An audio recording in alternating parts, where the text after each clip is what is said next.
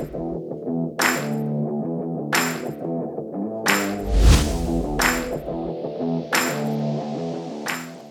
dobry, to jest podcast Radio Proza. Ja się nazywam Waldek Mazur i w dzisiejszym odcinku chciałem zaprosić do wysłuchania rozmowy, jaką miałem okazję przeprowadzić z debiutującą autorką kryminałów Anną Górną. Nasze spotkanie, które odbyło się w klubie Proza we wrocławskim Domu Literatury, dotyczyło książki Kraina Złotych Kłamstw, która w styczniu 2022 roku ukazała się nakładem wydawnictwa Czwarta Strona. Więcej o tym kryminalnym debiucie jego autorce mówię już w samej rozmowie, więc teraz nie przedłużam i zapraszam do słuchania.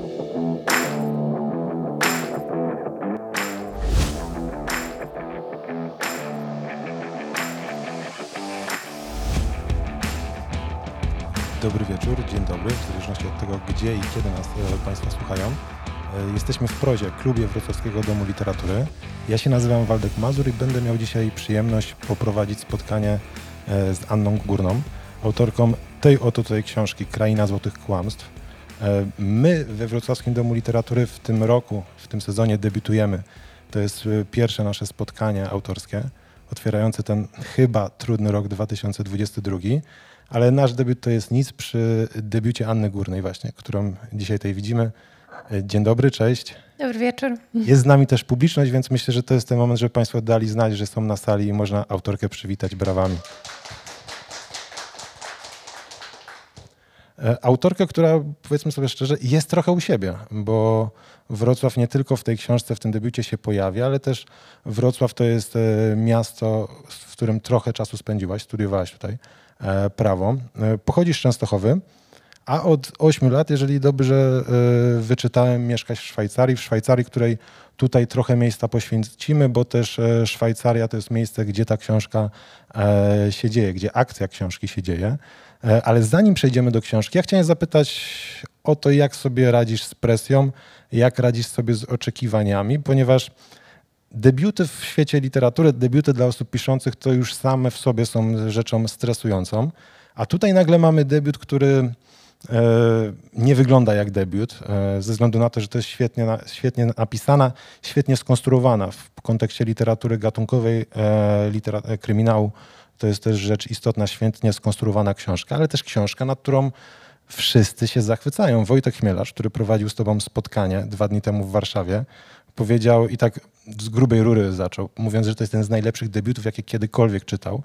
E, wydawca jest zachwycony. Ja tutaj miałem okazję z, z twoim wydawcą, swoimi wydawcami się e, kontaktować. Tam też widać, że są i duże oczekiwania. Jesteś w trakcie teraz takiego mini tournée e, promocyjnego. Czujesz tą presję, czujesz ten stres jeszcze taki dodatkowy narzucony z tobie na barki właśnie przez ten sukces, z jakim już teraz po dwóch dniach od premiery y, y, jest, y, jest twoim udziałem w pewien, w pewien sposób. Znaczy wiesz, ja się boję mówić o sukcesie, bo ta książka jest w księgarniach od wczoraj. Ja mówię właśnie o takim sukcesie promocyjnym, w sensie jak ta książka jest zapowiadana. Czy sukces książka odniosła, to rzeczywiście to będziemy mogli powiedzieć za 3-4 miesiące.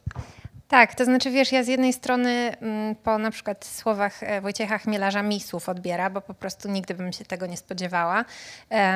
A z drugiej strony napisałam 600 stron, więc trochę głupio, że misów brakuje. A z drugiej strony mam takie obawy faktycznie, z jednej strony się bardzo cieszę na te dobre recenzje, a z drugiej myślę sobie, że ktoś może pomyśleć, że to musi być takie super i tak jak coś jest bardzo wyhypowane i później okazuje się, że ta poprzeczka jest dużo wyżej i e, ktoś jest rozczarowany. Więc nie wiem, mam nadzieję to, że na przykład, że jest dosyć fajna okładka, mi się ta okładka bardzo podoba. Nie zrazi kogoś i nie pomyśli, że to jest po prostu tylko, wiesz, ładne z zewnątrz, a w środku nic nie ma, więc zostawiam jeszcze właśnie ocenę czytelnikom, jak ta książka się sprawdzi, jak ludzie zaczną czytać. E, Robert Małecki, którego wspominałaś w jednym z wywiadów, pisze o, twoim debiucie niezwykły talent i porywający kryminalny debiut. E, Ja od tego zaczynam, bo sobie tak myślę właśnie, że to nie może być lekkie. E, Wchodzić w ten sposób, dostać jeszcze takie z jednej strony wsparcie, ale z drugiej strony nałożyć na siebie jakieś spore oczekiwania. Mieszkasz w Szwajcarii od 8 lat, dokładnie, jeżeli się nie mylę, to w Zurychu. E, co tam robisz? Bo tutaj na sali chyba są osoby, które cię znają, ale twoi czytelnicy, twoi przyszli czytelnicy i czytelniczki, czytelniczki mogą do końca tego nie wiedzieć. E, co cię wygnało do Szwajcarii? Ciekawość świata, więc to nie praca. Akurat mnie wygnała. Jestem prawniczką, więc jakby pracuję w zawodzie. Natomiast miałam takie poczucie, bo ja zdawałam egzamin na aplikację racowską tutaj we Wrocławiu. E, zdałam go i miałam takie trochę przerażające spostrzeżenie, że dokładnie wiem, jak moje życie teraz będzie wyglądać e, przez parę lat aplikacji, a może nawet jeszcze dłużej. I miałam taką potrzebę, żeby wyjechać, bo zawsze chciałam mieszkać za granicą i zobaczyć, jak to jest. I tak się parę rzeczy poskładało też w życiu prywatnym, że stanęło na Szwajcarii. E, egzamin był ważny dwa lata, więc miałam takie poczucie bezpieczeństwa, że zawsze mogę wrócić, może nawet do pracy mogłabym wrócić.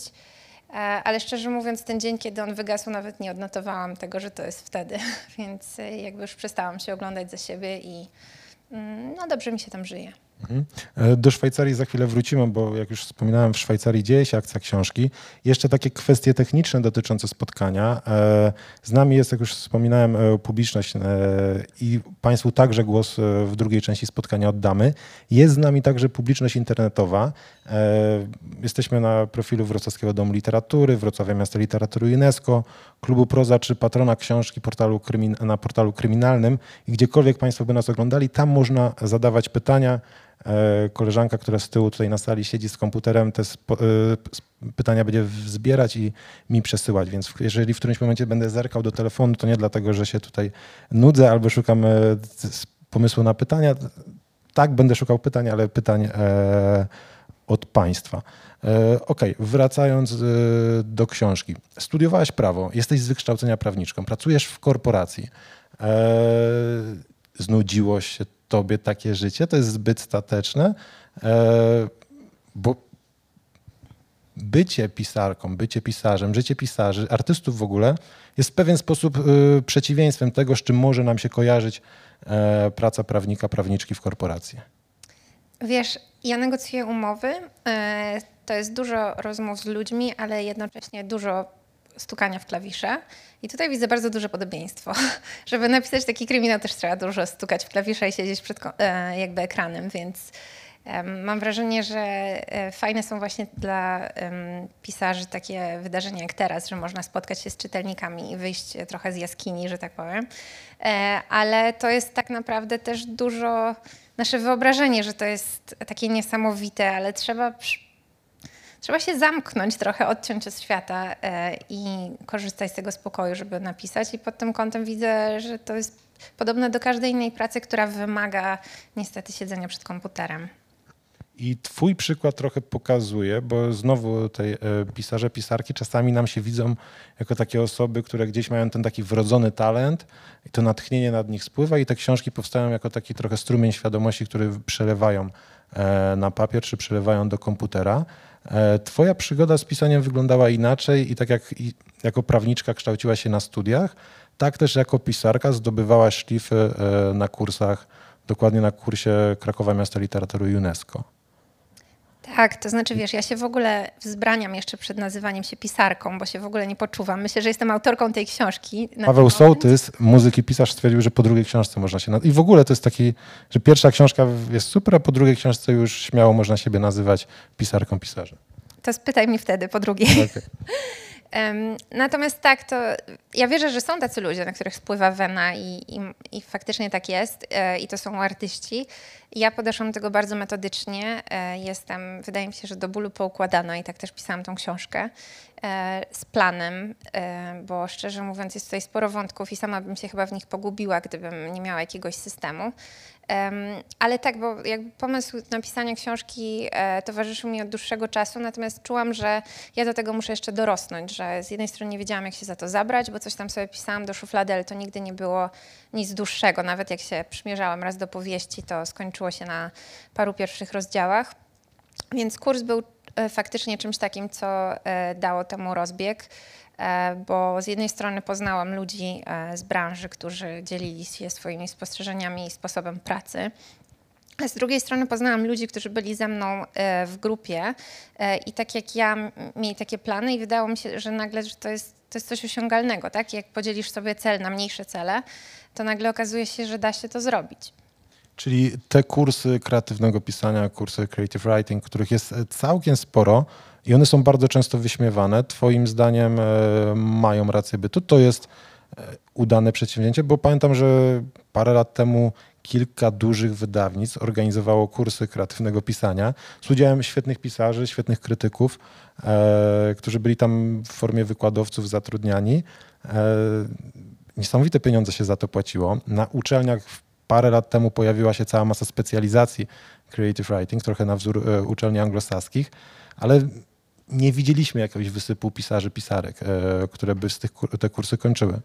To znaczy ja nie wiem i nie mogę ręczyć, bo kurs kursowi nierówny też jeśli chodzi o program. Wiadomo, ale pytam właśnie tutaj o ten kurs, w którym ty uczestniczysz. Nie jestem pewna, na ile można się nauczyć na nim faktycznie pisać, bo to też jest kwestia tego, że musisz później przysiąść i sam tą książkę dalej pociągnąć i musisz...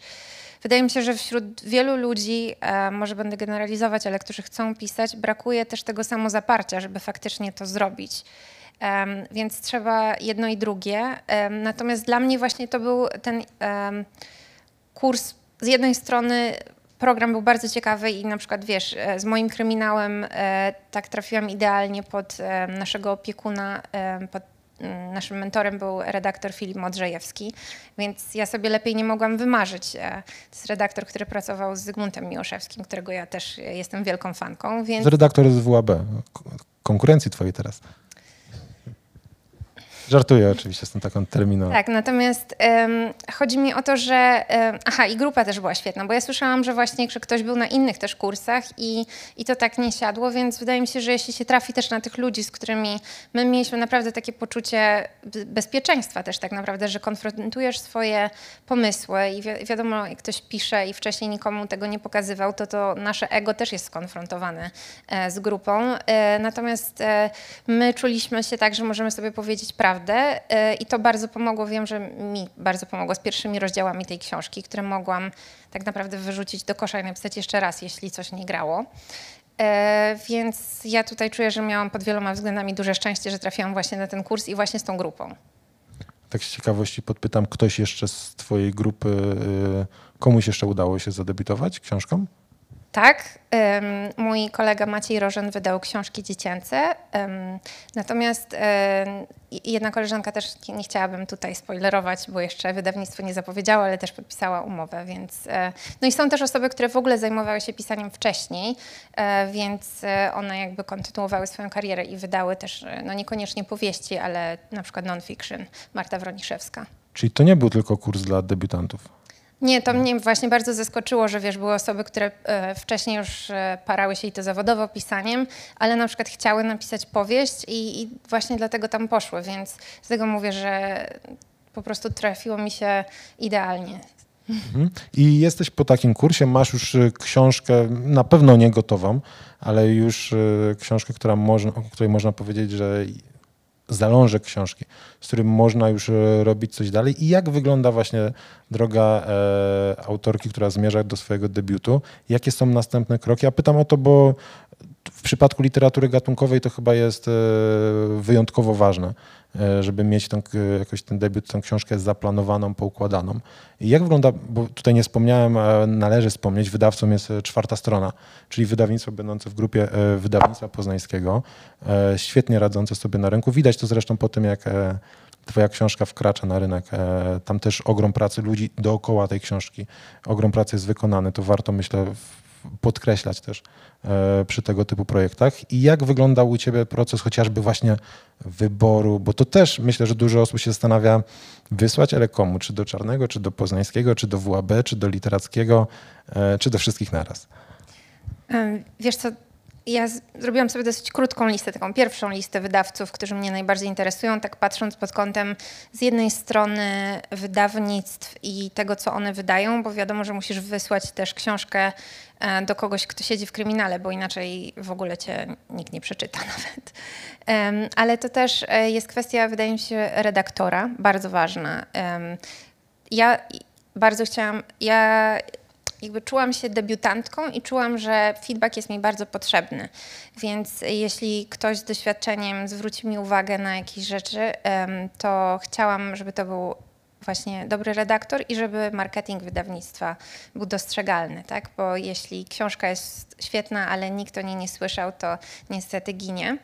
E, dlatego tym się kierowałam, no ale jak mówisz o kursie, to ja też mam poczucie, że ten kurs to było 2017-18, a mamy 2022, więc trochę czasu minęło. E, ja tą książkę szlifowałam, miałam też beta readerów e, i jak doprowadziłam ją do takiego wydaje mi się, do takiego kształtu, w jakim ja czułam, że już sama więcej z nią nie zrobię i właśnie jest mi potrzebny profesjonalny redaktor, to wtedy wysyłałam moją propozycję wydawniczą i tutaj też kurs był bardzo pomocny, bo oni nas uczyli, jak ta propozycja powinna wyglądać, bo dużo e, podobno trafia takich, że, że nie warto otwierać załączniki po treści samego maila, więc myślę, że to też jeśli ktoś interesuje się pisaniem i wydaniem pierwszej książki, to ważne jest, żeby tak jak aplikując o pracę wysyłamy dobre CV, e, gdzie też e, patrzymy na błędy ortograficzne, to też pisząc do wydawcy e, zwracamy na takie rzeczy uwagę. Tak, no i wybrałam sobie, że tak powiem, moich faworytów. Wysłałam nastawiłam się na to, z, jakby ja się też bardzo interesuję pracą innych pisarzy i często słucham podcastów i są te historie nie wiadomo ilu listów odmownych, więc ja się też nastawiłam, e, że to tak może być na początku i przecież no, zawsze mogę jeszcze e, popracować nad tą książką. No i tu się zaczęło zaskoczenie, że e, dostałam nie jedną, nie dwie propozycje współpracy. A to była już ukończona książka, to co wysyłałaś? Tak, to była ukończona książka, natomiast jeszcze pracowałam później z wydawcą po podpisaniu umowy nad nią. No, ale musiałam później, nie wiedziałam, że będę miała kiedykolwiek taki problem, jak wybrać wydawcę i wtedy kierowałam się tymi rzeczami, o których wspomniałam i trochę to naprawdę była intuicja, z kim mi się lepiej też rozmawiało. E, no i czułam, że, że czwarta strona robi świetną właśnie promocję nie zawiedli mnie, bo teraz, tak jak mówisz, e, ta książka jest e, wszędzie i bardzo mnie to cieszy. Mieszkałaś we Wrocławiu. E, od, tak strzelam, że parę lat cię we Wrocławiu nie było. Odbiłaś się tutaj na rynku od Empiku, którego już nie ma? Tak. Chciałam wracając do hotelu zajrzeć do tego Empiku i troszeczkę się zdziwiłam. Pytam o ten Empik nie dlatego, żebyśmy tutaj reklamowali sieć, ale tak sobie potrafiłem, tak sobie myślę, że debiutująca pisarka pierwsze co zrobi, to jak jakieś miasto odwiedzi, to odwiedzi te większe księgarnie i będzie zerkała na to, jak książki się prezentują. E, I tak sobie właśnie tu pomyślałem o tym pustym e, budynku po tym świetnym Empiku, który też mieści się niedaleko twojej byłej uczelni. Tak, e... tak byłam rozczarowana, bo tak miałam zawsze po drodze tam. Do Galerii Dominikańskiej się przeniósł. E, Okej, okay. E, to tyle może, jeżeli chodzi o ten debiut. Nie będę cię tutaj wałkował, jeżeli chodzi o pracę z redaktorem, bo to już e, to o tym już trochę rozmawiałeś dwa dni temu z Wojtkiem Chmielarzem. Kto chce, to może do tego spotkania wrócić. Wszystko jest w sieci. Ja chciałem zapytać o Szwajcarię. Szwajcaria jest tłem wydarzeń, które tutaj się dzieją. Akcja jest ulokowana głównie w Szwajcarii. Na chwilę przenosimy się do Wielkiej Brytanii, do Anglii. Gdzieś tam wspomniany jest Wrocław, e, bo główny bohater Piotr Zauer jest, pochodzi z Wrocławia, mieszkał we Wrocławiu, stamtąd się przeniósł i on mi trochę przypominał ciebie, prawdę powiedziawszy. To, jak sobie tak wyobrażałem, nie znając cię, e, on jest tym takim pracownikiem korporacji, który tęskni za czymś e, bardziej rozrywkowym i chce wrócić do tej starej pracy e, policyjnej, detektywistycznej. E, a ty z kolei jesteś pracowniczką korporacji, która siedzi w tych umowach i może chciałaby zacząć e, pisać książki, jeździć na spotkania. Ale w tej Szwajcarii też, ta Szwajcaria jest pewnego rodzaju tłem i gdybym miał się do czegoś przyczepić w tej książce, to mi trochę zabrakło więcej nakreślenia tego kontekstu społecznego, żeby więcej się jeszcze dowiedzieć o tym, jak ta Szwajcaria wygląda, jak ta Szwajcaria pulsuje. Ale nie, żeby tego w ogóle nie było. I pierwsza rzecz, która mi się rzuciła tutaj w oczy, druga główna bohaterka, e, w jej kontekście pojawiają się kwestie tego, jak szwajcarskie, szwajcarskie społeczeństwo odnosi się do kobiet. To, to nie jest żadne spoilerowanie. W książce wiedza powszechna. W latach 70. dopiero w Szwajcarii kobiety uzyskały prawa autor, e, wyborcze. Z książki się dowiadujemy twojej, że nie, w niektórych kantonach to nawet nastąpiło dopiero w latach 90. I czy kobiety w Szwajcarii mają ciężej niż mężczyźni z tego powodu, bo tak naprawdę to jak ty się urodziłaś, jak my się urodziliśmy, to Szwajcarki jeszcze głosować nie mogły. Wiesz, w tym kantonie. Tak, to znaczy mówisz o kantonie Appenzeller, tak, e, tam na początku lat 90. Natomiast um, Szwajcaria dąży do tego, do równouprawnienia, ale wciąż jeszcze czuję, że, um, że nie wszystko jest idealnie. I tak, no, są te same problemy, o których słyszymy, że kobiety na tych samych stanowiskach nie, nie zarabiają tak dużo. Ja też z perspektywy młodej matki widzę mm, też, że system nie sprzyja za bardzo, bo nie wiem, urlop macierzyński w Szwajcarii trwa trzy miesiące. E, U nas rok. No właśnie, więc e, to też jest tak, że nam się wydaje, że to taki zachód i wszystko jest sprzyjające, ale no niekoniecznie. I właśnie tak też wychodziłam, jeśli chodzi o ten rys społeczny w krainie, żeby troszeczkę skonfrontować te nasze wyobrażenia o Szwajcarii, e, że to jest kraina mlekiem i miodem płynąca, e, z tym, że no nie wszystko jest tam idealne. No, tytuł sam mówi, tak? Kraina złotych kłamstw, ale y, mamy do czynienia z pewnego rodzaju, w większym stopniu niż można byłoby się spodziewać, z przemocą wobec kobiet, bo tutaj główna bohaterka doświadczyła y, kilkukrotnie tej przemocy w w momencie swojej przygody szkolnej, edukacyjnej, ale później też, kiedy rozpoczynała e, tę pracę zawodową. Nie, żeby to było jakaś w Polsce też się, myślę, że wszędzie się z, tym, z czymś takim spotykamy, ale to w Szwajcarii może zaskakiwać. Tak, to ja byłam tym zaskoczona, bo właśnie jedna z osób, z którą się konsultowałam w tej, e, z tą książką to jest policjant, e, który pracuje w Zurichu i on mi powiedział, że to jest duży problem. Nie pamiętam dokładnie procentów, ale no, to też mnie zaskoczyło, że, że jest to realny problem w Szwajcarii, tak. A to jest problem e, tych takich powiedzmy Szwajcarów, to nie są Szwajcarów. rodziny na przykład. Nie są patologiczne, ale to też nie jest e, wynik, bo wiem, że w którejś rozmowie wspominałaś, że e, też z tych twoich rozmów, e, kiedy szukałaś materiałów, dowiedziałaś się, że odsetek przestępczości wzrósł w Szwajcarii w wyniku zwiększenia się migracji, przepływu ludności z innych krajów, pewnie też z Polski.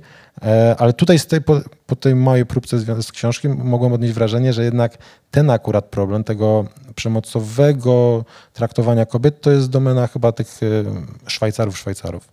Wiesz co, nie wiem jak to się rozkłada i też te, wracając do mojego zdania poprzedniego, wydaje mi się, że jak jest przemoc w domu, to jest to mimo wszystko patologiczna rodzina, ale może nie tak jak nam się stereotypowo kojarzy, że jasne, jasne, zawsze tak, jest alkohol i, e, i na przykład bieda, tak? Więc, I pan w e, takim podkoszulku brudnym. Dokładnie.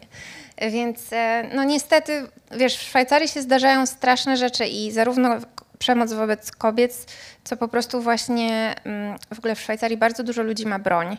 No i ta broń czasami odpala. Moja koleżanka jest dentystką i opowiadała mi, jak jej jeden z pacjentów e, po prostu z osiedla, starszy pan, zastrzelił swoją żonę i córkę. I to jest dla mnie przerażające właśnie, bo się bardzo rzadko takie rzeczy słyszy, e, a mimo wszystko tak się dzieje i wiesz, no, są różne problemy i one dotykają też bogatsze społeczeństwa.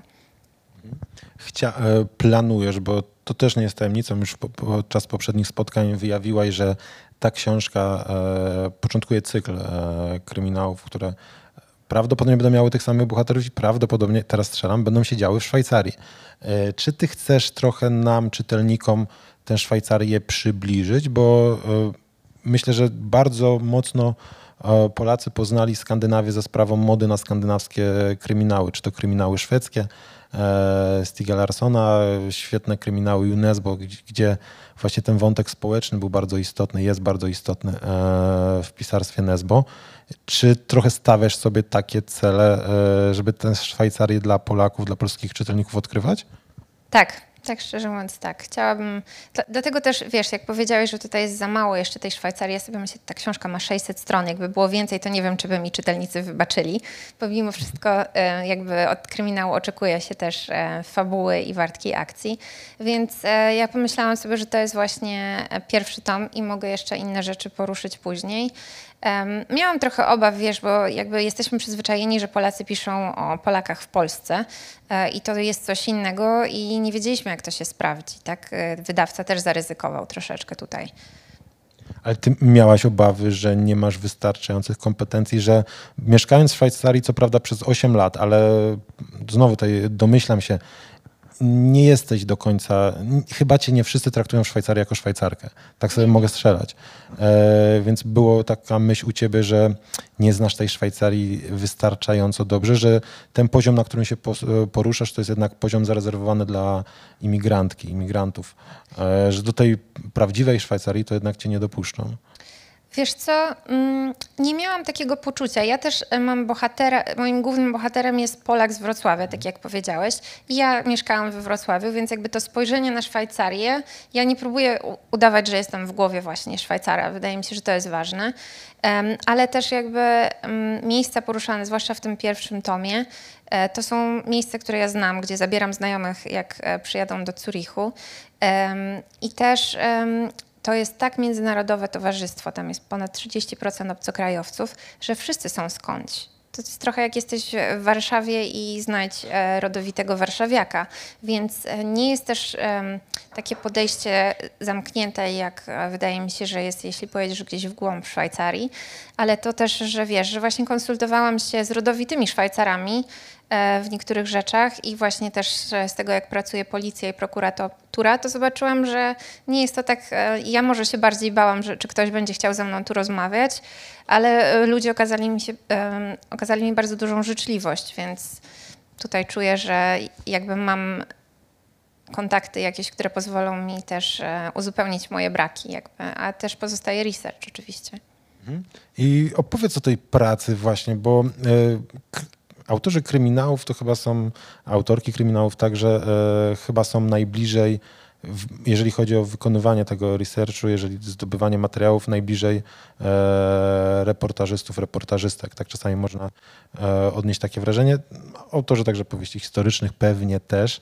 E, I jak wyglądało u ciebie zdobywanie tych materiałów? Jak z, chociażby sam fakt, żeby dowiedzieć się, jak funkcjonuje prokuratura, jak funkcjonuje, jak funkcjonują organy ścigania w Szwajcarii.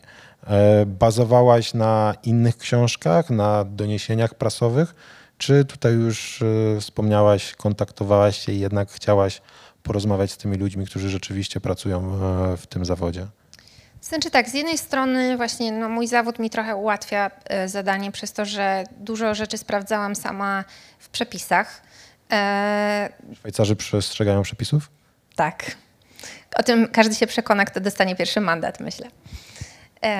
Więc dużo researchowałam sama. Z tym researchem też mam wrażenie, że można popłynąć. Wiesz, trzeba sobie nawet powiedzieć stop, bo można czytać i czytać, a kiedyś trzeba napisać tę książkę. Natomiast bardzo mi pomogło e, porozmawianie właśnie z ludźmi, którzy w tym pracują.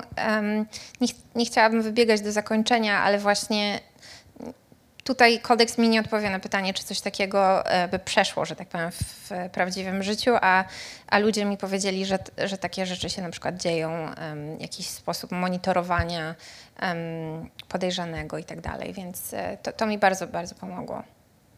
A jeżeli chodzi o konstruowanie intrygi, e, to to jest, to jest te 600 stron to tak na, to tutaj e, właśnie bez spoilerowania, to jest naprawdę świetna intryga. I tutaj e, wspominałem o tych takich współczesnych kryminałach, które są zakorzenione społecznie, gdzie ten rys społeczny jest bardzo istotny, ale też ta książka ma bardzo dużo tutaj takiego, z takiego klasycznego kryminału, gdzie ta intryga e, jest bardzo ważna, to jak ta zagadka jest bardzo istotna. Tego myślę, że brakuje w wielu, wielu polskim autorom, autorkom, e, że ta zagadka jest po prostu słaba i wszystko inne jest świetne naokoło, ale czujemy jakiś taki niedosyt. Tutaj tego niedosytu nie ma pod tym względem. E, stąd też wspomniałem przed spotkaniem, że to nie, nie wygląda jak debiut tak naprawdę. E, jest tak dobrze skonstruowane. Ale jeżeli chodzi o ułożenie tego wszystkiego, to siedziałaś w nocy i myślałaś w łóżku, pod, wyciągałaś jakieś wycinki prasowe dotyczące tego, jakie faktycznie gdzieś były e, intrygi, czytałaś innych autorów, autorki, oglądałaś seriale. Jak wygląda e, zbieranie pomysłów na tak, konstrukcję takiej intrygi? Wszystko po trochu, wszystko z tego, co wymieniłeś. Faktycznie jakby ta sprawa, która jest w prologu e, i później Państwo się przekonają, co jest dalej, bo nie będę nic mówić. E, to jest jakby bazowane na autentycznej historii, która dotyczy nierozwiązanej wciąż sprawy, więc ja chciałam jak najwięcej pozmieniać, żeby też nie urazić rodziny i szacunku dla ofiary. E, I tutaj troszeczkę musiałam jakby się przekopać przez dużo e, case'ów, żeby znaleźć coś, co właśnie wyda mi się na tyle interesujące, żeby podciągnąć to pod fabułę. Ale sama postać jakby głównego zleceniodawcy, tak naprawdę, to nie jest główny bohater, ale zleceniodawca głównego bohatera, Jack Harford, aktor brytyjski, były aktor brytyjski, który mieszka w Szwajcarii. Tutaj bardzo mnie zainspirowała sprawa O.J. Simpsona E, I troszeczkę po prostu wyobraziłam sobie, że to teraz by się wydarzyło i to byłby biały człowiek w Europie Zachodniej, czym bylibyśmy w stanie takiej, wiem, że to jest charyzmatyczna bardzo postać i kiedyś uwielbiana, ale jednak podejrzewana o morderstwo i też jakby wtedy wyszedł jego romans, więc e, skazy się pojawiły, a teraz ginie, znaczy nie ginie, tylko znika bez śladu e, jego kolejna partnerka, E, I to było dla mnie jakby osią tej zagadki, wokół tego budowałam fabułę. Natomiast no, przez to właśnie, że jest kilka wątków i ta książka jest długa i ja chciałam, żeby czytelnik miał możliwie jak największą frajdę przy rozwiązywaniu zagadki, to faktycznie miałam chyba 115 y, kolorowych karteczek i każda była, każdy kolor był odpowiedzialny za jeden wątek. I tak sobie siedziałam przy stole, czasami do późnych godzin nocnych i y, to jest fajne, bo wtedy nie musisz e, kasować tekstu, nie tracisz tak dużo czasu i można sobie zwizualizować, nawet zobaczyć, czy nie wiem, ja mam dwóch, tak naprawdę dwójkę głównych bohaterów e, i czy nie ma za dużo perspektywy jednej osoby, dajmy na to. A w którym momencie pojawił się pomysł, żeby właśnie to nie był jeden bohater? Bo te, jak patrzę, większość książek kryminalnych, kryminałów ma jednego bohatera, jednego takiego wyrazistego męskiego bohatera z krótkim imieniem, nazwiskiem. Tu się akurat zgadza, e, ale mamy duet. Mamy duet taki do siebie przeciekawy e, duet, który trochę takie są relacje. No okej, okay, nie będę też. Dwie bardzo różniące się relacje, bo te emocje z jednej strony mogą nakierować na takie relacje trochę rodzicielskie, ale też tam jest napięcie seksualne i to jest bardzo, bardzo, bardzo ciekawe. E, kiedy pojawił się pomysł, żeby dorzucić temu, bo tak zakładam, że najpierw był bohater męski, e, żeby zrobić tutaj duet i jednak jeszcze, żeby e, kobieta dołączyła jako główna bohaterka? Wiesz co, ja poczułam, że po prostu będzie ciekawiej, jeśli Sauer będzie miał partnera sparingowego, że będą mogli wymieniać się pomysłami. Ja sama lubię też cykle, gdzie jest dwójka bohaterów i um, lubię się też przywiązać do postaci, więc na przykład u J.K. Rowling, ta seria, którą ona pisze pod pseudonimem, tam jest świetny duet. Więc ja nawet świadomie zdecydowałam się na to, żeby to była para, a z drugiej strony przez to, że albo na przykład u Stiga Larsona jest tak świetny duet, że one są dla mnie tak nie do podrobienia, że moją trudnością było to, żeby zrobić fajną parę, która nie, nie próbuje udawać następ, następnego Blomqvista i Salander. E, więc na początku właśnie starając się usilnie tego unikać, stworzyłam duet męski, który po prostu nie grał. I tutaj świetnie, że miałam e, właśnie e, grupę na kursie, która też mi dała jakiś feedback i nagle jak zmieniłam płeć, to okazało się, że historia płynie i że ta postać się zrobiła dużo ciekawsza. Więc z Miją miałam troszeczkę większe trudności niż właśnie z Sauerem pod tym kątem. To fabularnie musiałaś też mocno pozmieniać. Bardzo zaawansowana była praca na etapie, kiedy jeszcze było dwóch męskich bohaterów? Wiesz co, mm, jeśli chodzi o zagadkę kryminalną, to ta książka się w ogóle mam wrażenie, że praktycznie nie zmieniła od mojego pierwotnego pomysłu. Natomiast faktycznie ta warstwa obyczajowa i rozwój bohatera e, to dopracowywałam dłużej. Więc e, no, tak jak e, wspomniałam na poprzednim spotkaniu, napisałam 300 stron, które po prostu nie znalazło się w tej książce, bo zobaczyłam, że jeśli zacznę to w innym miejscu właśnie, gdzie są e, główni bohaterowie, ta książka będzie dużo ciekawsza. Więc po prostu z pełną pokorą wyrzuciłam to do kosza i zaczęłam jeszcze raz. To była decyzja redaktora, czy to była twoja jeszcze zanim rozpoczęłaś pracę z wydawnictwem? To było zanim, e, nie, jakby książka prawie skończona znaczy, było napisane zakończenie i po prostu szlifowaliśmy ją e, z wydawnictwem, natomiast to była jeszcze na wstępnej fazie tworzenia książki parę lat temu. Ale jak powiedziałeś, że tak łatwo to tobie przyszło, bo na tej scenie kilku pisarzy, kilka pisarek opowiadało o tego typu przeżyciach i e, jedna bądź dwie osoby nawet e, przyznały, że coś takiego przy, przypłaciły stanem depresyjnym i niemożnością pisania przez potem kolejnych miesięcy, bo to jednak potrafię sobie wyobrazić, w twoim przypadku. Łączysz pisanie trochę jak Rowling debiutująca, piszesz może po nocach, e, gdzieś na horyzoncie pojawia się ciąża, e, dziecko, też wtedy chyba ta praca jeszcze ciężej jest e, wyrzucić tyle materiału, mając w perspektywie, że będzie trzeba to przepisać niejako.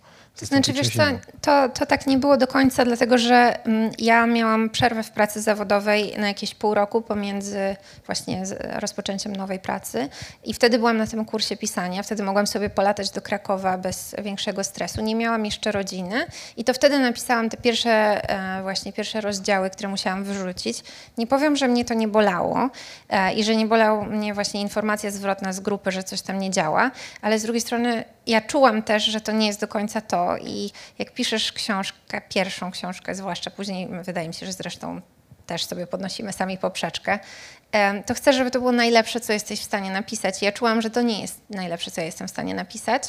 E, I tak sobie myślę z perspektywy, że też wiesz, jest dużo zachwytów takich, że, że, że, kilku wydawców ją chciało, ale ja może zamiast odbić się z tą pierwszą wersją od wydawnictw i, że tak powiem, dalszymi próbami pisania. Po prostu tak dużo czasu na to poświęciłam, aż to będzie wydawalne, e, że dlatego była pozytywna reakcja i, i to jest cena, którą przepłaciłam za to, ale myślę, że było warto.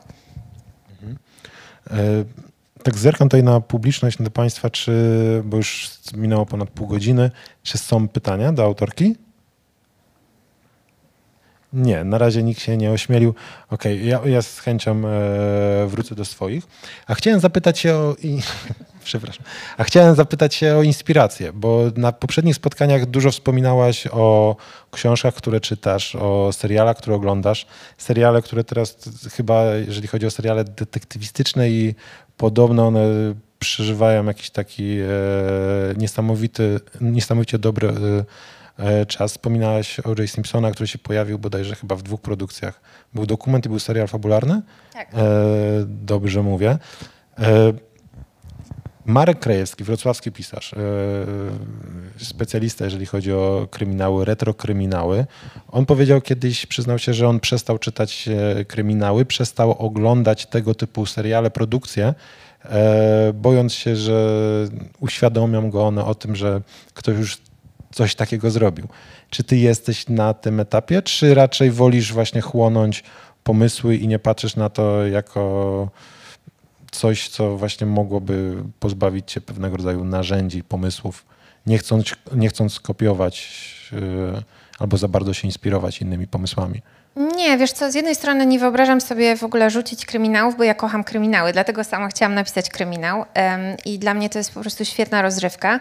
A z drugiej strony mam wrażenie, że jak oglądam coś, co czuję, że jest, czy oglądam, czy czytam coś, co jest świetne, to mnie to bardzo inspiruje.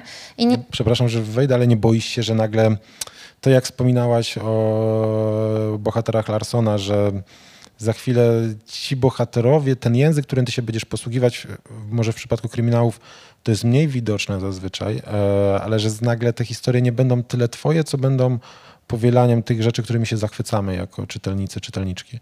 Wiesz, dlatego ja dlatego, um, przepraszam, dlatego nie chciałam pisać następnej zaginionej dziewczyny, tak. E, są takie rzeczy, które jak, wydaje mi się, że jeśli na siłę próbujemy je skopiować. I tak jak Lisbeth Salander też właśnie wydaje mi się, że było parę nieudanych prób, e, to czuć ten fałsz i czuć, że próbujemy jakby na renomie może innego pisarza zrobić karierę, e, ale ukazują się jakby, to jest dla mnie fascynujące w kryminale, że mamy literaturę gatunkową i niektóre rzeczy muszą się pojawić. I z jednej strony to wszystko już było, a z drugiej udaje się pisarzom coś ująć w nowy sposób i przez to ta książka jest ciekawa, więc e, myślę, że tutaj jest nieskończenie wiele możliwości i nie przestanę czytać kryminałów. Mhm. Zerkałem do telefonu, żeby sprawdzić, czy są pytania z internetu. E, na razie ich nie ma. Mm, wróćmy jeszcze na chwilę e, do tej Szwajcarii. Przyszło, planujesz kontynuować cykl i to będzie z wydawcą już jesteś dogadana? Jeżeli idzie o kolejne książki? Nie wiem, czy można jeszcze wspominać. Tak, o, na pewno o jedną następną tak. Okej, okay. i to będzie nadal taka Szwajcaria kosmopolityczna, Szwajcaria multikulturowa wielkich miast, czy e, jednak chciałabyś e, uchylić rąbka trochę tej prowincji i też sama wybrać się w te rejony, które nie są tak ci bliskie, jeżeli idzie o Szwajcarię? To znaczy tak, mogę zdradzić, że nie będzie w Zurichu się działa akcja i że wyjdę poza moją strefę komfortu. A więcej na razie zostawię sobie jeszcze pole do y, zadecydowania. Mhm. E, a ta książka, ta kolejna część już gdzieś jest e, rozpisana, już masz karteczki porozstawiane i prace trwają, czy dopiero chcesz się do tego zabrać? Nie, nie. Jakby już e, mam przemyślaną tą historię i jestem w trakcie pisania. Mhm. Pytam o to, ponieważ Tutaj, jak już e, słyszeliśmy, ten debiut jest mocno dopracowany, jest mocno wypracowany, e, przemyślany, ale ten przemysł e, wydawniczy w Polsce jest bezwzględny. Mamy kilku autorów, którzy wyszli, tak Pamiętam, jak swego czasu Marek Krajewski obiecywał, że nie będzie wydawał więcej niż jednej książki rocznie. Teraz wydaje chyba dwie rocznie.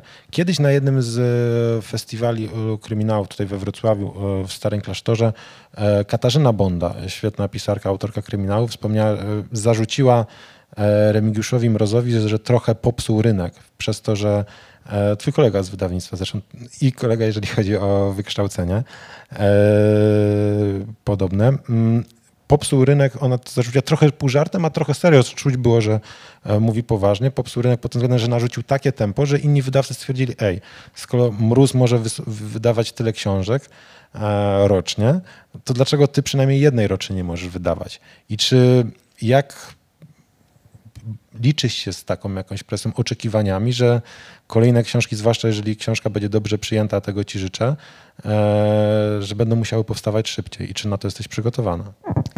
Wiesz co, nie ukrywam, że odczuwam jakąś presję, że ta następna powinna ukazać się szybko i mam też takie poczucie, że właśnie to jest mm, komfort z debiutem, że nikt na niego nie czeka, więc możesz go pisać tak długo, jak chcesz.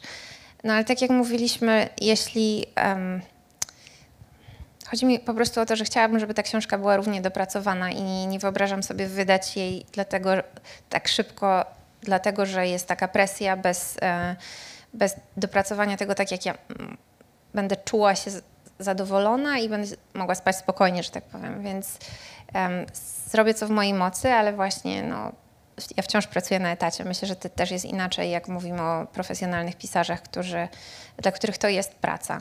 E, wtedy mogą sobie pozwolić na pisanie więcej.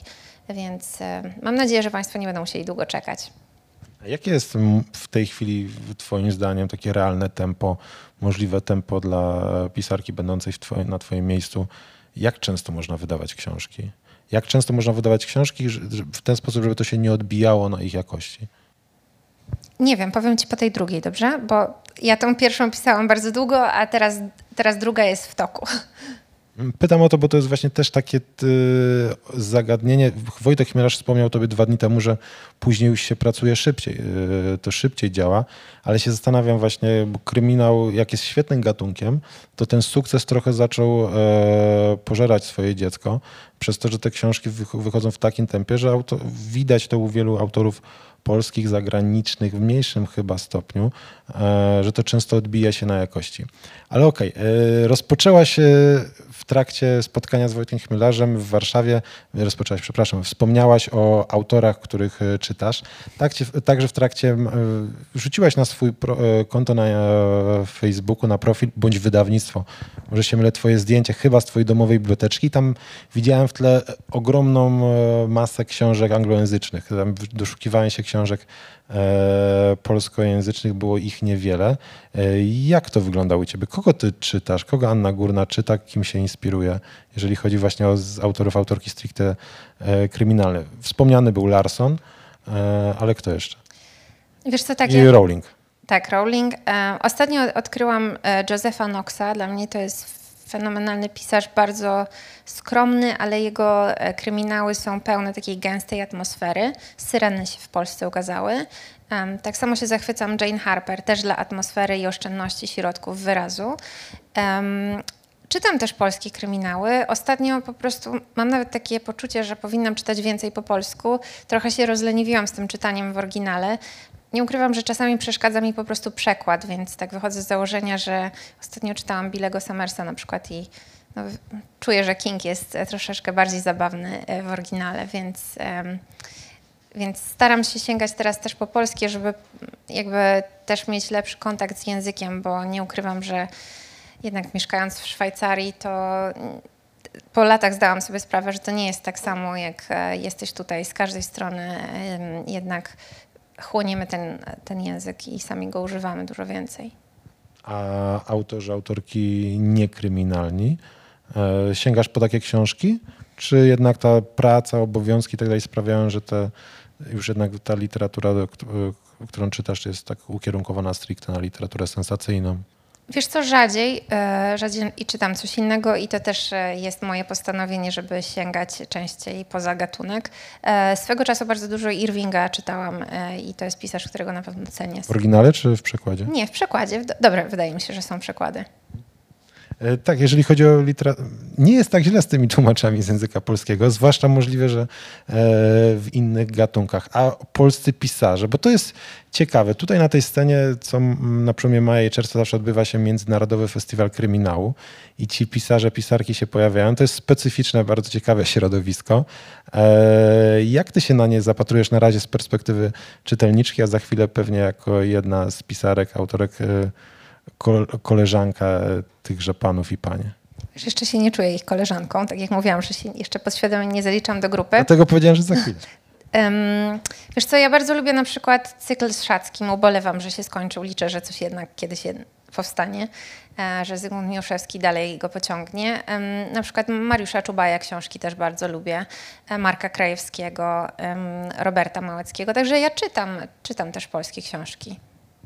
One się różnią, bo coś e, wspomniałaś delikatnie e, w Warszawie w trakcie spotkania, że kryminały e, te zachodnie, jeżeli chodzi o klimat, jeżeli chodzi o lekkość, co jest zaskakujące, mnie to zaskoczyło, są przyjemniejsze, że ta polska literatura jest taka ciężka. Ciężka, jeżeli chodzi o pisanie, jeżeli chodzi o język, ciężka o ten nasz polski klimat, czy coś jeszcze innego sprawia, że ona jest, mimo że rozrywkowa z nazwy, to rozrywkowa. Wiesz, ja właśnie podałam przykłady książek, które dla mnie tego nie mają, albo są po prostu tak dobre, jeśli chodzi o i bohaterów, i fabułę, że, że nie zwracam na te inne rzeczy uwagi, więc na przykład tym bym nie, tego nie zarzuciła. Natomiast czasami właśnie, jeśli czuję, że mnie fabuła tak nie porwie, a z drugiej strony wybija się na pierwszy plan, może takie czuję, że są ponure czasami i um, ja też traktuję literaturę gatunkową jako pewną odskocznię i chcę się e, zrelaksować, wyrwać do innego świata. Może stąd też u mnie, wiesz, ta Szwajcaria, bo, e, bo chciałam, żeby to była taka fajna podróż i przenieść czytelnika trochę do może z tej szarej rzeczywistości, którą no, często widzę w polskich kryminałach i to nie jest taki zarzut, bo niektórzy ludzie to lubią, nie?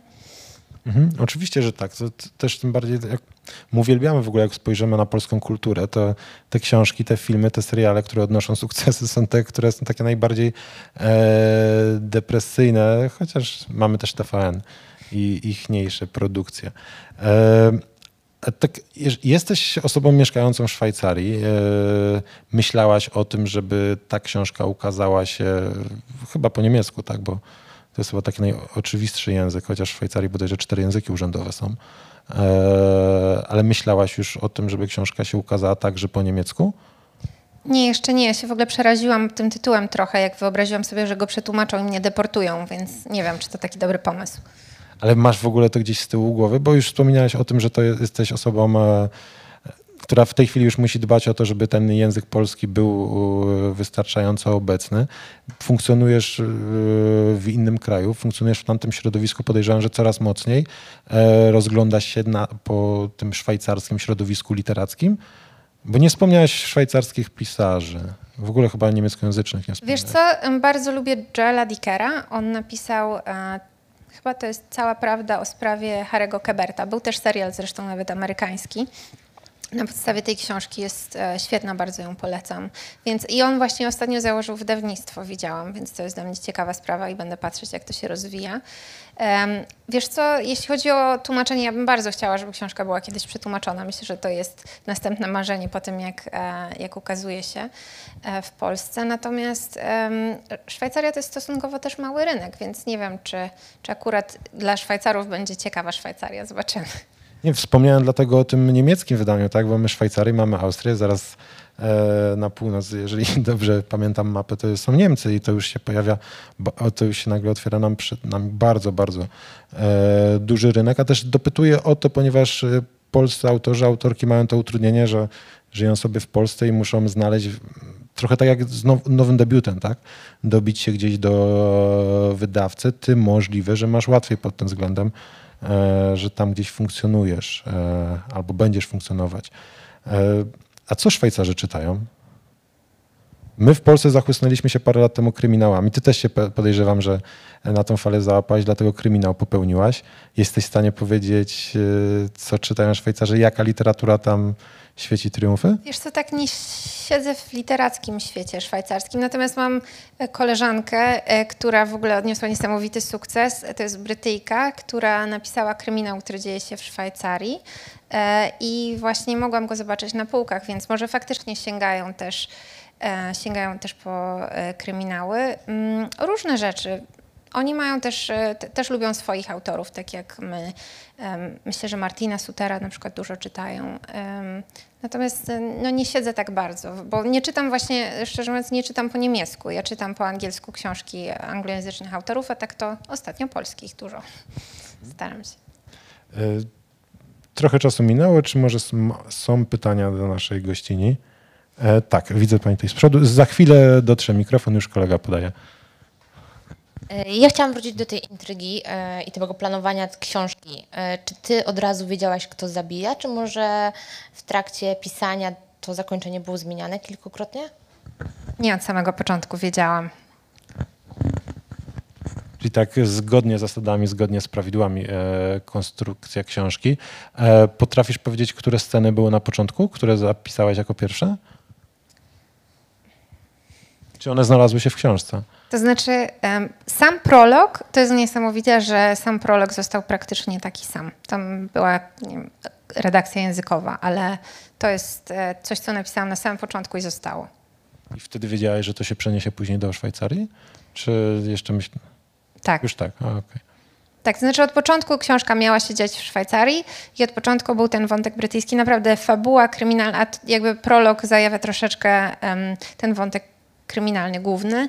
E, to się nie zmieniło od samego początku. Ja od samego początku wiedziałam, kto zabił. Właśnie trudność jest, żeby wydaje mi się, w zaplataniu tych wątków i w ujawnianiu tych informacji tak, żeby z jednej strony ten um, morderca nie, nie, wyskoczył na końcu z kapelusza, a z drugiej strony, żeby aż tak bardzo nam nie rzucał się w oczy od początku, żeby czytelnik um, nie zgadł za szybko. A kto był tym takim e, twoim czytelnikiem? Bo na, tu mówię w kontekście osób, które jeszcze książki nie czytały, nie czytały tych podziękowań na końcu. E, w trakcie, pomijając pracę później na, na ostatni rok i pracę z redaktorem, e, kim były te osoby, którym dawałaś książkę do czytania? I też nie mówimy już o osobach z kursu, o których wspominałaś. Miałaś kogoś w rodzinie, koleżankę, kolegę, e, z którym te pomysły konsultowałaś, z którym się, z którym się zderzałaś w jakiś sposób? Tak, to znaczy e, mam jedną przyjaciółkę, która czytała, e, jakby z którą też konsultowałam od początku fabułę i okazała się nieocenioną pomocą. Natomiast dwie osoby z kursu, jakby nie konsultowałam przez cały czas całą, więc jak wrócę do tej grupy, bo dwie osoby tak e, właśnie do samego końca, do ostatniego szlifu przeczytały od początku do końca. Przeczytał mój narzeczony i przeczytał mój brat, który też dawał mi super uwagi. I to były takie, bo rodzinne po tak mi się trochę kojarzy, nie wiem czy Państwu tak, że kiedy konsultujemy coś z rodziną, to rodzina zawsze pochwali, tak taka mama, babcia czy ciocia. Dlatego mamie nie dawała, mama teraz przeczytała. I jakie reakcje? Doszukała się pewnych luk. Okej, okay, to może będziesz miał okazję przy kolejnej części, może mamy usatysfakcjonować. E, są jeszcze pytania? Tak, znowu w pierwszym rzędzie. Ja bym się chciała dowiedzieć, czy któraś postać e, ma jakieś twoje cechy? Czy tak przemyciłaś trochę swojego charakteru do którejś z postaci ze swojej książki?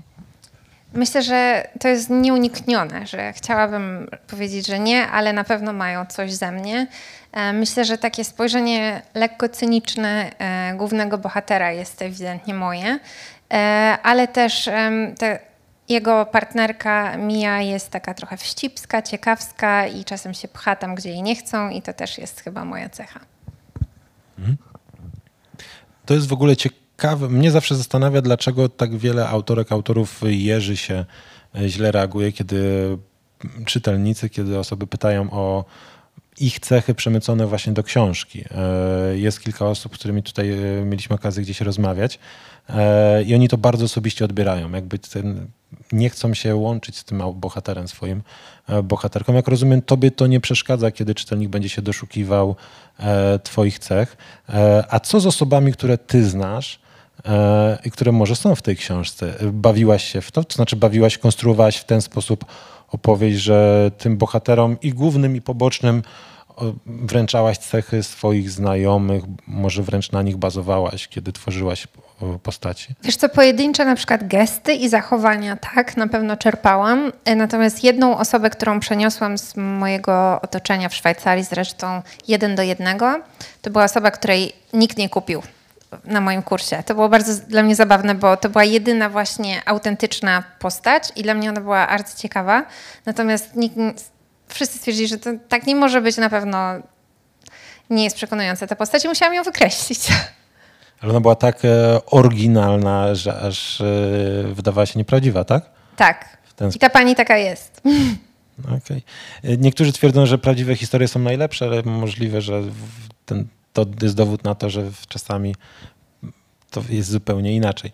E, są dalsze pytania? Tak, proszę bardzo, oczywiście. Jeszcze mnie interesuje kontekst właśnie Twojej pracy w Szwajcarii, bo wiadomo, masz tam pewnie mnóstwo znajomych, współpracowników.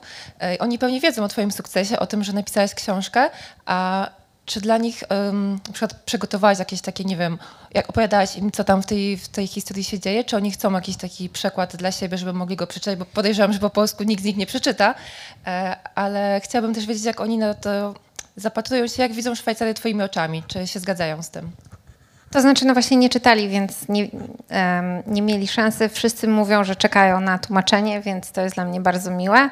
Um, ja szczerze mówiąc tak e, oszczędnie się chwalę tym moim pisaniem. Ostatnio powiedziałam w pracy, że w sumie biorę urlop, bo tak nie do końca, spytali mnie na ile będę wypoczywać i ja tak trochę powiedziałam, co będę robić i wtedy e, wyszłam z szafy w pracy.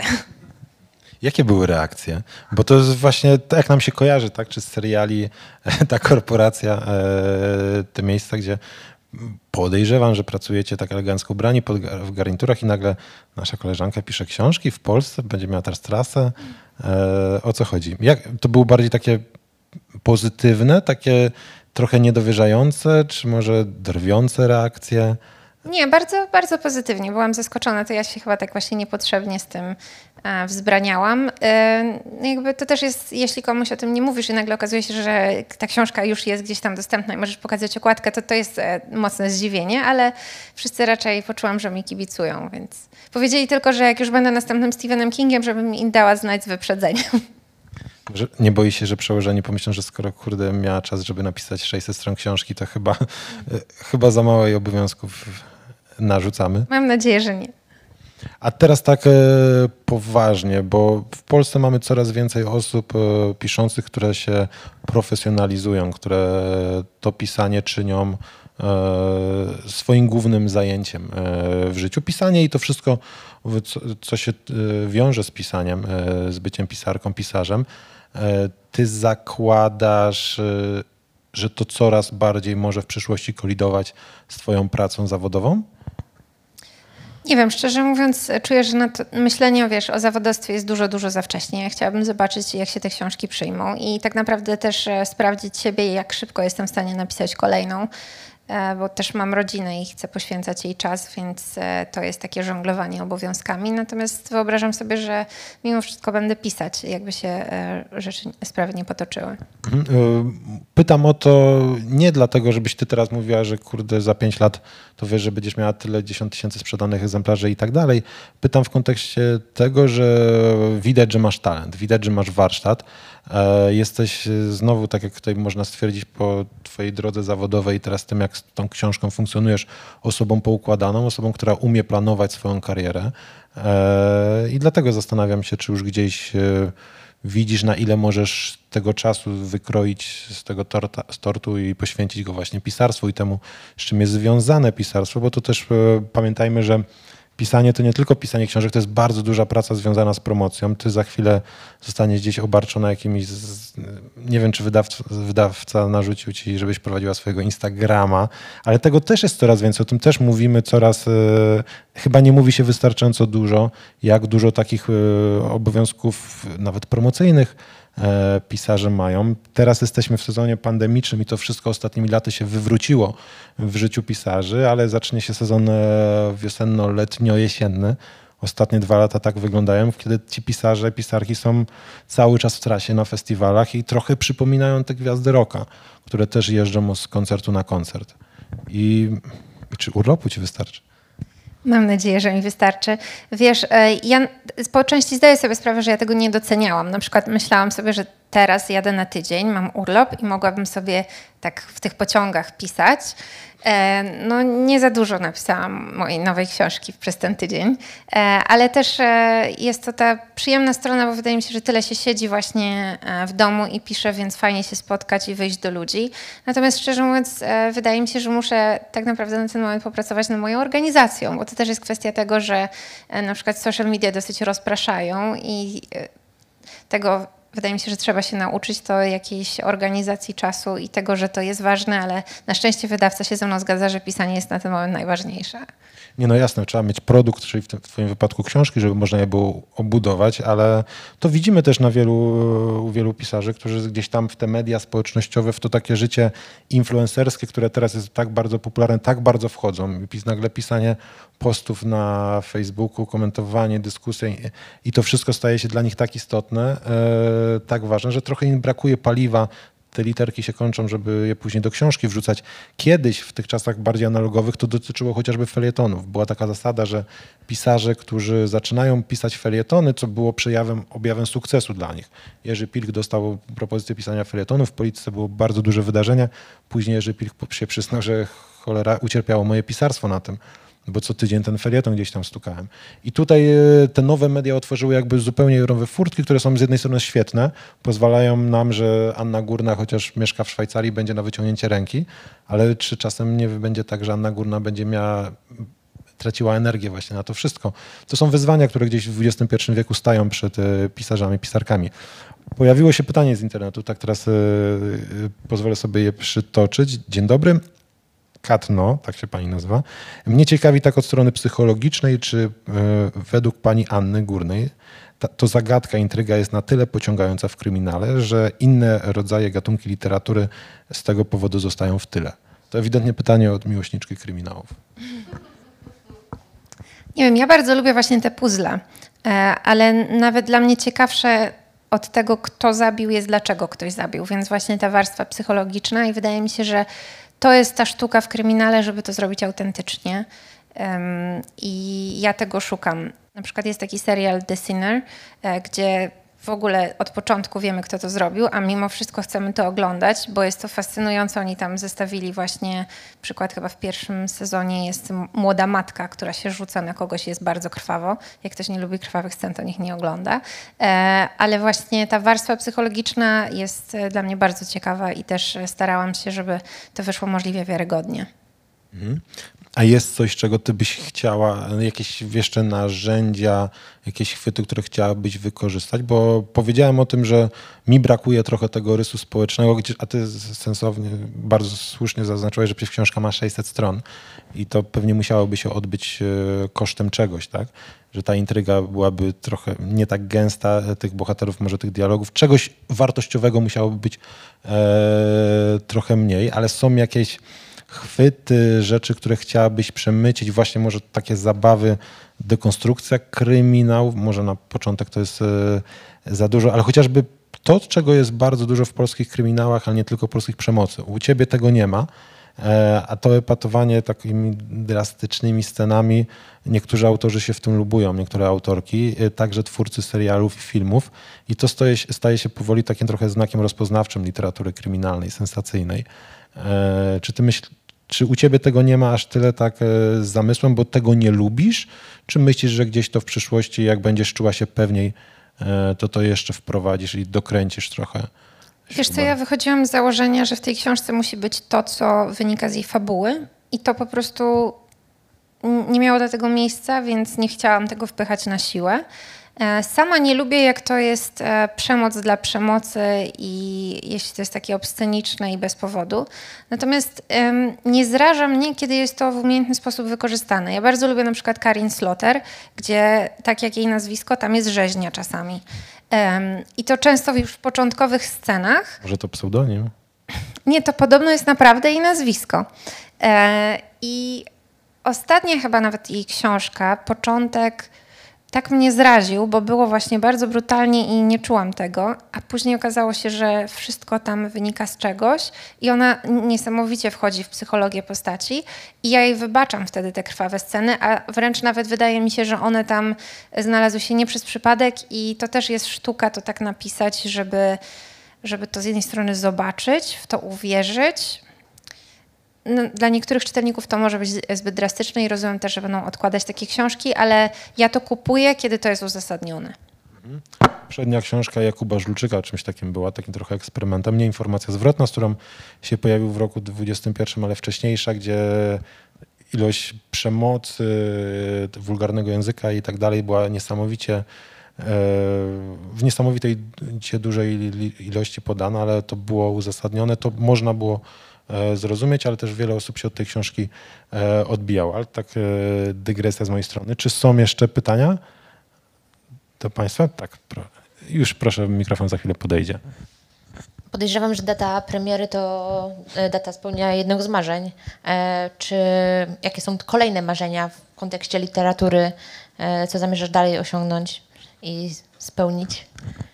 Wiesz co, jeśli wydaje mi się, jedno to chciałabym mój osobisty cel na ten rok to napisać tą drugą książkę jak najszybciej, e, a z drugiej strony no właśnie nie ukrywam, że um, ekranizacja na przykład kiedyś, nie wiem, jeśli mogę aż tak daleko wybiegać, to jest chyba też spełnienie marzeń każdego autora, czy, czy jakieś zagraniczne tłumaczenie. To już się domyślam, że bardziej wolałabyś serial na Netflixie czy innym HBO niż film. Chyba ciężko by było to zmieścić w filmie. No, przypominam, że Stiga Larsona wrzucono do filmów i to amerykańskich, skandynawskich dało się, tak? E, ale jasne, ja mam na myśli to, że często się odwołujesz i w naszej rozmowie i wcześniej też do seriali, które coraz więcej twórców gdzieś są e, pod wpływem. A teraz mi tak właśnie przyszło do głowy, są pod wpływem właśnie inspiracji związanych z tymi serialami. Chciałabyś e, spróbować pracy przy takim projekcie? Gdyby za rok 2030 E, twoje książki są ekranizowane. Chciałabyś być taką autorką, która w ogóle w tym nie uczestniczy, daje książkę i jak trochę jak Andrzej Sapkowski i róbcie z tym, co chcecie, później będę was wyzywał albo nie? Czy raczej być jak e, Martin, który będzie przesiadywał e, na planie, współtworzył scenariusz i już więcej książki nie uświadczymy? Wiesz co, ja tego nie wykluczam, bo ja też um, jakby ja w ogóle patrzę, myślę obrazowo i widzę najpierw film w mojej głowie, a później wychodzi z tego um, kryminał, więc e, Myślę, że to by było ciekawe wyzwanie, ale z drugiej strony wiem, że to jest osobna sztuka pisanie scenariusza, więc jeszcze nie wiem, czy to potrafię robić i na pewno wymagałoby to jakiegoś e, dokształcenia się. Ale coraz więcej pisarzy, pisarek w Polsce się angażuje w te projekty.